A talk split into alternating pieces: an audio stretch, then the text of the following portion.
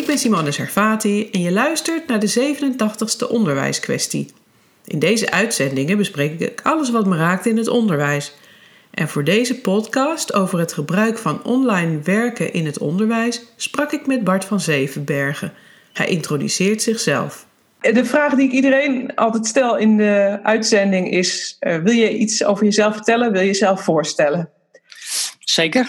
Um, ik ben uh, Bart van uh, Zevenbergen en ik ben uh, digital marketeer bij Robeco in Rotterdam, de vermogensbeheerder. En daar werk ik eigenlijk op de B2B marketing afdeling. Proberen wij klanten te voorzien van informatie, daar een binding met klanten aan te gaan en ook nieuwe klanten te werven eigenlijk met, met content marketing. Dat is echt jouw dagelijkse werk. Op die manier um marketing en goed kijken hoe je met klanten uh, contact kan onderhouden ook waarschijnlijk. Precies, dat is uh, een, een, een, wisselwerking uh, tussen binnen Robeco dat we een idee krijgen bij klantgroepen, gesprek aangaan met de klant, vaak via sales of client service.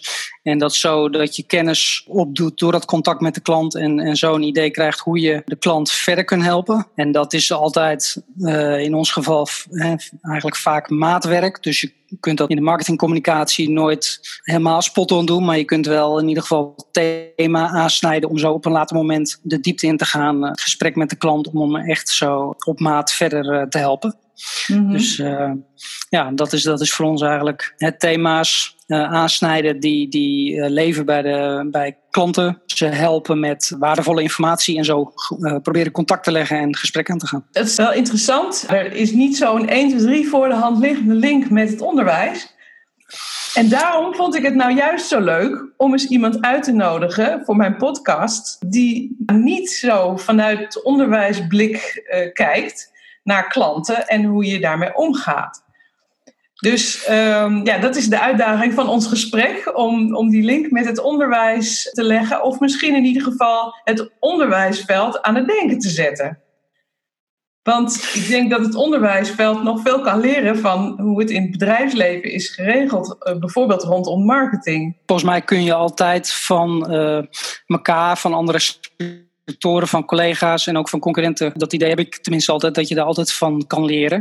Dat vind ik zelf ook altijd prettig uh, om naar seminars, bijeenkomsten, uh, ook wat kleinere bijeenkomsten uh, te gaan. Om daar presentaties bij te wonen, om zo een kijkje in de keuken te krijgen. En, en, en ook discussie aan te gaan met, met collega's. In die zin wijzer te. Een link met onderwijs in die zin. Um, kijk, marketing en, en, en marketingcommunicatie. In ieder geval zijn we denk ik in, in beide gevallen bezig met communicatie. En ook allebei bezig met kennis en kennisoverdracht. Dus in die zin is er wel uh, zeker een link. En het doel is, uh, is anders. Maar uh, uiteindelijk gaat het om communicatie en kennisoverdracht. Ja, probeer je contact te leggen en, en zo ja, verder te komen in datgene wat je voor ogen hebt. Nou. Ja, ja, precies. Dus. Als ik denk aan online werken en aan communicatie uh, en ik denk aan het onderwijs, nou dan is het denk ik op dit moment wat er speelt in het onderwijs, werkdruk wel een van de items waar ik jou ter voorbereiding ook iets over had gevraagd. Heb jij een idee over hoe online werken bijvoorbeeld eh, werkdruk in het onderwijs kan ontlasten? Dat is deels lastig natuurlijk, omdat ik hè, van de dagelijkse praktijk niet meeloop op een school. En, en ik denk ook dat er in het onderwijs uh, veel verschillen zijn tussen het ene onderwijs, hè, functies en welke leeftijd je lesgeeft of op welke school je dan precies lesgeeft. Dat er altijd weer per school diverse, hè, ook verschillende uitdagingen zijn. Maar als het gaat om werkdruk en kijkend naar digitaal en zijn er tools beschikbaar om iets met die werkdruk te doen en dat te verlichten, ja, dan zou een idee bijvoorbeeld kunnen zijn waar ik aan dacht en dan dat soort zaken spelen in mijn werk, maar ook in mijn privé. Als het gaat om sporten speelt, speelt dat een rol. Dat is zeg maar het maken van koppelingen tussen de ene plek en de andere plek. Dus als je, als je uh, informatie op twee plekken nodig hebt of moet opslaan,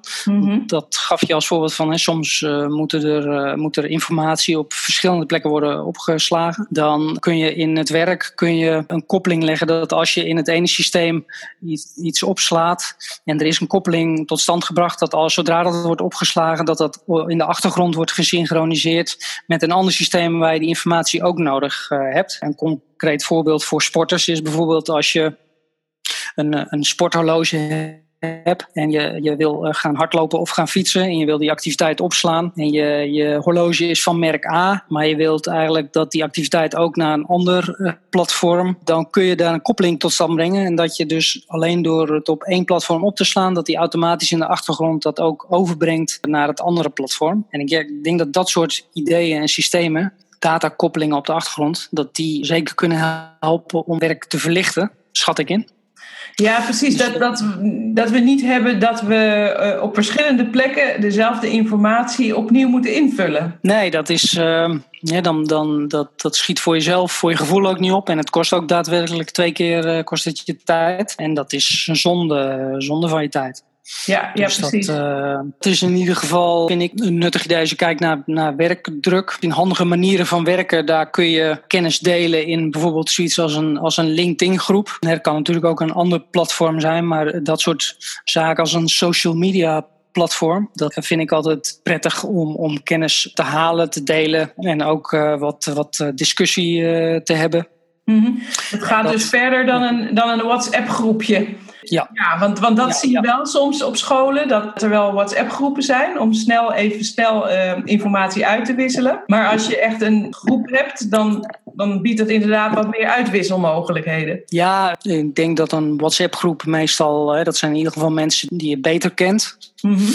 En een LinkedIn-groep gaat dan, of een Facebook-groep, dat gaat iets breder, denk ik. Dat wil je wel het liefst op een bepaalde interesse, anders wordt het waarschijnlijk weer te breed. Mm -hmm. Maar als je dat op een bepaalde interesse, of aandachtsgebied of vakgebied insteekt, dan kun je daar wel vragen stellen en, en ervaringen delen. En hoe iedereen met die werkdruk of met andere uitdagingen uitgaat om zo uh, ja, elkaar verder te helpen. Mm -hmm. Dat, uh, ja. Ja. Dat vind ik in ieder geval in zeg maar, de, de mogelijkheden die er online zijn. Prettige manier van kennis delen en kennis brengen en kennis halen. Dus, ja, ja. Ja. precies. Ja, er zijn wel groepen waar ik van weet, maar misschien is het wel een, een, middel wat nog veel meer ingezet zou kunnen worden. Ja, ik zit in een bestuur van uh, NIMA Zuidwest. NIMA is een landelijke marketingorganisatie uh, en die heeft verschillende communities en op uh, interessegebied, maar ook op regiogebied. En, en daar hebben we ook een LinkedIn groep voor om, om mensen op de hoogte te houden en kennis te delen en met name om nieuwe bijeenkomsten aan te dragen en, en, en ook feedback te vragen. Ja, dat werkt uh, prettig. In het onderwijs, dat is even een tussendoortje, ze zijn nog gewoon niet zo digitaal ingesteld. Dus dat is wel een uitdaging. Ja, begrijp ik. Dat daar hebben wij bij in het marketingvak algemeen daar ook mee te maken. Dat, nee, dat zie je denk ik in heel veel sectoren, dat er heel veel veranderingen zijn. En dat, dat geldt voor het marketingvak ook. Het wordt steeds digitaler. Dus dat, dat geldt voor alle marketing- en communicatie mensen ook. Dat ze moeten kijken naar ontwikkelingen en dat, en, en dat de instrumenten die je gebruikt, de tools die je gebruikt en hoe je je doelgroep bereikt in dat geval dan, dat dat anders is dan vijf en tien jaar geleden. Hoe ik dat om me heen zie is dat daar um, in ieder geval het nodige gedaan wordt aan, uh, aan, aan scholing, aan het bezoeken van seminars en het volgen van nieuwe manieren om marketing te bedrijven via social media en dergelijke. -hmm. En dat is uh, in ieder geval ook, ook binnen marketing een, een, iets wat, wat heel hard nodig is. Je moet, er zijn continu veranderingen. Je moet continu uh, wat dat betreft uh, bijblijven. Nou. Ja, ja, precies. Ik ben nu zelf bezig met het, de voorbereiding voor een online training. Omdat ik denk, als je het hebt over werkdruk en weinig tijd hebben, dat een online training gewoon ontzettend veel mogelijkheden biedt. Ja. Want je kan in je eigen tempo, je kan op je eigen plek, op je eigen manier, kan je daar, daarmee leren. En vroeg me af, van, heb jij daar ervaring mee? Of hoe kijk jij daarnaar vanuit jouw achtergrond? Ik zie dat zelf wel als heel nuttig. Ik, en dan kunt op YouTube kun je allerlei informatie, how to, of hoe werkt dit, of wat betekent een bepaald nieuw fenomeen, hoe werkt, werkt dat dan precies, hoe kan ik dit of uh, dat toepassen. Bijvoorbeeld zoiets als wat wij doen, content marketing, wat, wat, uh, hoe werkt het dan, wat komt er allemaal bekijken. En in, in marketing heb je, wordt, er, wordt er veel gesproken over de customer journey, hè, de klantenreis, en hoe je daar op verschillende momenten contact kunt leggen met, met je doelgroep. Nou, dat is ook een fenomeen waar online veel informatie over te vinden is. Mm -hmm. Dus dan kun je op YouTube op zoek gaan. En online trainingen, ook betaald, vind ik zelf ook een uh, heerlijke manier om, om thuis kennis op te doen. Ik heb wel eens een LinkedIn training gevolgd online en dan krijg je video's. Je kunt uh, wat aanvullende documenten erbij uh, lezen. Je kunt het ook altijd weer downloaden en terugkijken wat je aan kennis vergaard hebt. Zou jij een paar argumenten kunnen aanbouwen als oproep aan het onderwijsveld. Waarom het toch wel handig is om je daarin te gaan verdiepen, om dat te gaan gebruiken. Kijk, ik kan me wel voorstellen als je daar niet zo vertrouwd mee bent en, en daarin moet, uh, voor, al is het maar voor je gevoel dat je erin moet duiken. En dan is het niet uh, vanuit een soort uh, ontdekkingstocht, maar dan is het meer, oké, okay, ik, moet, ik moet me daarin of ik moet dit of ik moet dat. En dan wordt het een beetje moeten en dan is het een ander gevoel, denk ik, dan als je, als je het echt als een ontdekkingstocht ziet en daar ja, zeg maar spelend mee aan de slag gaat. Kijk, dingen moeten en dingen opleggen, dat, dat ja, ik, dat, dat is wel altijd lastig om daar dan lol in te hebben en, en daar uh, een stap in, in te zetten. Maar kijk, wat ik in ieder geval denk is dat je hoeft niet bang te zijn. Het mooie van, van werken met digitale zaken is dat je niet bang hoeft te zijn om iets echt uh, kapot te maken of verkeerd te doen. Je kunt het niet verkeerd doen, want dan doe je het daarna nog een keer, maar iets anders. En, en als het kapot gaat, dan ga je, kijk je het na en dan herstel je het. Dat is ook met het maken van een webpagina. Oh, dat staat niet in het plaatje, staat helemaal verkeerd. Of de tekst staat niet. Nou, dan passen we het aan en dan is het daarna alsnog goed. Mm -hmm. Dus ja, die angst loslaten van, joh, ik, ik doe het misschien fout. Ja, misschien wel, maar dan doe je het daarna goed. En dan dan, is het uh, prima. Hè? Dan heb je daarvan geleerd. En dan, ik denk dat dat wel ja, iets is, hè, die angst wat een barrière kan zijn. Dus dat, dat loslaten en dat het met, met computers en met smartphones en tablets. Er zijn misschien wel honderden en één manieren om iets te doen. En elke manier is goed. Hè? Dus dat maakt, uh, de ene doet het links en de andere doet het rechtsom. Ja, dat, uh, dat kan. En dat is allemaal goed. Het brengt toch wel een nieuwe manier van leren op gang, heb ik het idee. Ja, het is, het is heel erg uh, gewoon doen en, uh, en erin gaan. En, uh, en misschien denk je van, nou, dit is niet wat ik had verwacht. Of dit gaat net even niet wat ik had gedacht dat eruit zou komen. Dus dan probeer het nog een keer. Of je vraagt hulp aan een ander. Hè. Proberen, doen, vragen, kijken bij anderen. Dat is natuurlijk het ultieme wat, wat kinderen ook doen, is kijken bij een ander, hoe doe je, en, dingen proberen. En dat is, dat is in ieder geval met digitale zaken lekker proberen en doen. En uh, maakt niet uit als het uh, niet in één keer lukt, maar dan lukt het daarna, of de tweede of de derde keer.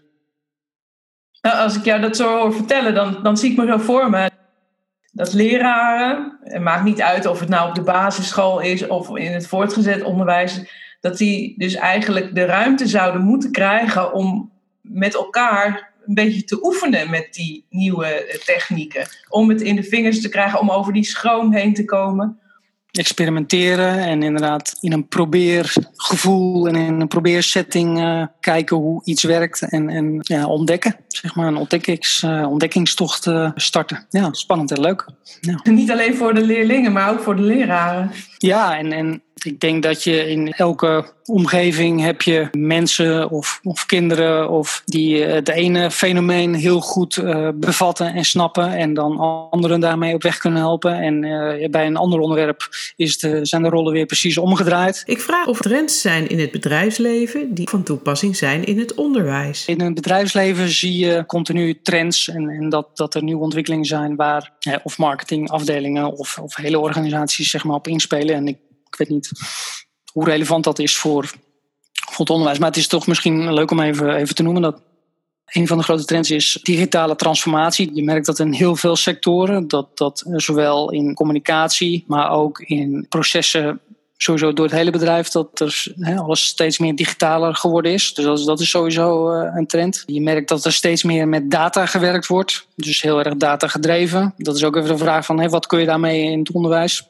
En een andere. Uh, Mag ik daar nog iets over vragen? Want wat bedoel je dan uh, met data? Dat er daar waar hè, 15, 20 jaar geleden zeg maar, veel meer uh, misschien met onderbuikgevoel gewerkt werd. En er minder mogelijk minder te weten viel en minder geacteerd kon worden op basis van data die je vergaart. Er wordt nu veel meer dat onderbuikgevoel losgelaten en wordt er veel meer op basis van data. Dus wat je doelgroep doet. Dus klikt die bepaalde dingen aan, bezoekt die de website en wat voor dingen dan? Heeft hij interesse in onderwerp A of B? En op basis daarvan help je hem weer verder. Mm -hmm. Dus dat is wezenlijk anders dan dat je schiet met hagel, zeg maar, uh, wat vroeger niet anders kon, omdat je die data niet had. Mm -hmm. Dus uh, gegevens van je bezoeker, van je klant, van je gebruiker, die je vervolgens gebruikt om uh, relevante vervolginformatie aan te bieden. Dus dat, mm -hmm. dat in die zin veel meer op data ge, gebaseerd. Dus als ik dat vertaal naar het leren van kinderen op een school die zelfstandig met bepaalde programmatuur aan het werk zijn, kan je die op die manier ook beter volgen. Dat je weet waar ze op, aan, op klikken en welke stappen ze zetten in hun proces. Ik kan me voorstellen dat dat uh, op, een, op een bepaalde manier uh, ook al in het onderwijs gebeurt. Is dat je, dat je een kinderen monitort en dat je uh, natuurlijk toetsen laat doen. En dat je doen en dat je kijkt wat de voortgang is op basis van die data. Dan kijkt van nou, ze hebben iets meer ondersteuning nodig in het ene vak andere voor gaat prima. Dus uh, ja, in die zin denk ik dat het al uh, gebeurt. Ik weet niet hoe dat digitaal gebeurt, maar dat kan ik me ook voorstellen. Maar dat is, dat is denk ik wel vergelijkbaar. Dat je op basis van die gegevens, uh, de cijfers, toetsen en, en van leerling of student, dan vervolgens een, een plan maakt. Nou, of ondersteuning biedt. Ja, u gaf zelf net het voorbeeld van WhatsApp. Ik denk dat dat een, dat een heel mooi voorbeeld is van een innovatie, van een uh, digitale ontwikkeling die communicatie wat mij betreft veel prettiger en efficiënter maakt. Omdat daar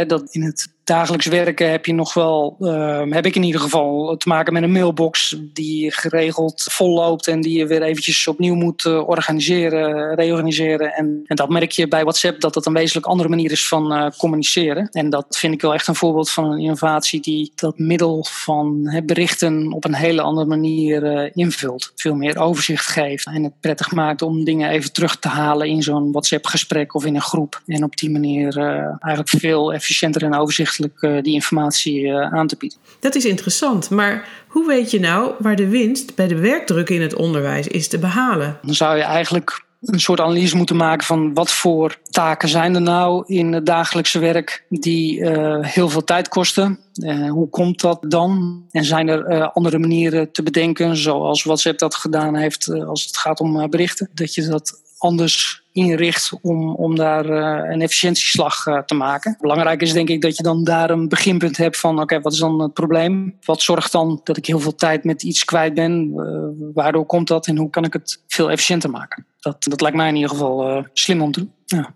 Effectief en efficiënt. Ja, door wat te experimenteren ook met het formuleren van je vraag in Google of in YouTube. Want soms heb je liever een video die iets uitlegt, hè, of door een mens of door misschien iemand die iets laat zien bijvoorbeeld. Mm-hmm. Ja, door, door daar ook wat mee te experimenteren hoe je je, je vraag stelt, dan krijg je toch interessante informatie voor uh, geschoteld. Ja. ja, precies. Dus, dus eigenlijk zouden we uh, en dan ook de, de wat oudere leraren die misschien wat minder digitaal zijn ingesteld, moeten worden uitgedaagd om, als ze willen weten hoe iets werkt, om gewoon huppakee te gaan googlen en, en op YouTube te gaan kijken. Misschien zijn daar ook wel antwoorden te vinden. Gewoon ook om het uit te proberen. Ja. Voor, voorbij de koudwatervrees. Ja. het lijkt zo'n inkoppertje als je zegt, joh, dat google je even. Maar hè, dat doen we, doen, doen we redelijk, denk ik, automatisch als je, als je zoekt naar bijvoorbeeld producten of je wil een nieuwe stofzuiger, of je, dan ga je heel automatisch naar Google, maar dat is heel erg productgedreven. Maar je kunt het net zo uh, gemakkelijk bij uh, het zoeken van kennis gebruiken. En dat, dat, dat idee heb ik tenminste, dat we dat nog wel eens uh, vergeten, dat er ook heel veel kennis te vinden is. Je kunt natuurlijk ook wel heel veel opzoeken op het internet. Dat vergt misschien wat oefening in het, in het formuleren van die vraag. Maar daar, daar kun je ook uh, gaandeweg, denk ik, steeds. Uh, nee, je ziet, vanzelf, je ziet direct wat het resultaat is. Dus als je denkt, nou laat ik dat, je, toch uh, een iets andere formulering of wat andere trefwoorden bij gebruiken. Dan zie je ook weer vanzelf wat dat doet. Dus, ja, ja. ja, dat is wel een eye-opener, denk ik. Dus dat mensen eerder naar producten gaan zoeken dan naar kennis. Dat vind ik wel één om te onthouden, Bart. Kijk, ik begrijp het wel hè, dat soms een, uh, er, een, er een barrière is en dat het soms moeite kost of nieuw is en moeite kost of een, drempel is om je nieuwe zaken eigen te maken. Maar het is denk ik wel goed om te realiseren dat iedereen dat kan hebben. Die eerste stappen zijn toch even van klik, klak en een ploep en dan schiet er iets weg en dan, ja, dan gaat het mis. Nou dat gebeurt. Dus dan uh, doe je het uh, nog een keer of je stelt een keer een vraag. Joh, ik uh, probeerde dit of dat, maar dat lukt niet. kan dat handiger? Ik denk dat het goed is dat mensen zich dat realiseren dat het, ja, dat het meer voorkomt. Dat het soms een leerproces is en dat je even iets moet wennen aan een nieuw systeem. Dat is ook wat we de kinderen leren. Dat je wel een foutje mag maken. Maar ja, met werkdruk dan wordt dat natuurlijk toch ook best wel lastig ervaren. Ik wil je in ieder geval bedanken voor de tijd die je erin hebt gestoken om dit alles te vertellen voor de onderwijskwestie. Hartstikke leuk, dankjewel. Graag gedaan en uh, ja, leuk uh, dat je me gevraagd hebt. Tot zover mijn gesprek met Bart van Zevenbergen over het omgaan met online technieken in het onderwijs, gezien vanuit zijn perspectief uit het bedrijfsleven. Wil je reageren of heb je zelf een onderwijskwestie die je met mij wil opnemen? Stuur dan een mailtje naar simone.sarfati.nu. Als je het interessant vond, deel deze podcast dan of abonneer je op de onderwijskwestie. Wil je met mij werken aan onderwijsvernieuwing met het aanpakken van de onderwijspijlers van jouw onderwijsarrangementen voor passend onderwijs? Neem dan contact op via de website. Weet dat ik het waardeer en weet ook dat je meer informatie over onderwijsarrangementen kunt vinden op mijn website www.sarfati.nu. Voor online informatie verwijs ik je naar mijn website www.sarfati-online.nl. Sarfati met PH en IE. Met een hartelijke groet en tot passend weerziens.